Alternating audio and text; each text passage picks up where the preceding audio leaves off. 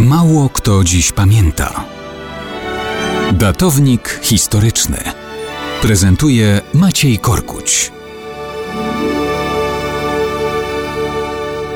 Mało kto dziś pamięta, że w lutym 1975 roku w Moskwie zakończył życie Nikołaj Aleksandrowicz Bułganin. Kim był Bułganin? Z naszego punktu widzenia można przypomnieć, że był w imieniu Stalina bezpośrednim nadzorcą PKWN, pilnującym, czy wszystko przebiega zgodnie z rozkazami dyktatora. Tutaj działał ręka w rękę z Wandą Wasilewską.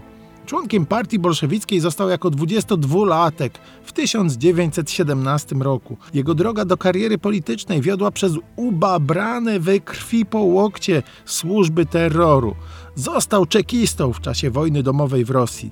Awansował, aż powierzono mu funkcję w 1938 roku zastępcy Mołotowa, czyli przewodniczącego Rady Komisarzy Ludowych. Odpowiednikiem więc był wicepremiera. W latach wojny wzięty został przez Stalina do tak zwanego GOKO, czyli Głównego Komitetu Obrony. To wtedy został właśnie nadzorcą PKWN, oficjalnie jako ambasador przy tym marionetkowym niby rządzie. Stalin był z niego zadowolony, mianował go ministrem obrony i marszałkiem Związku Sowieckiego i dalej mu powierzał wysokie funkcje w rządzie. Ale Stalin w końcu umarł i w 1953 roku Bułganin pomógł Chruszczowowi w obaleniu Berii i wsparł go w zakulisowych rozgrywkach przeciw Malenkowowi.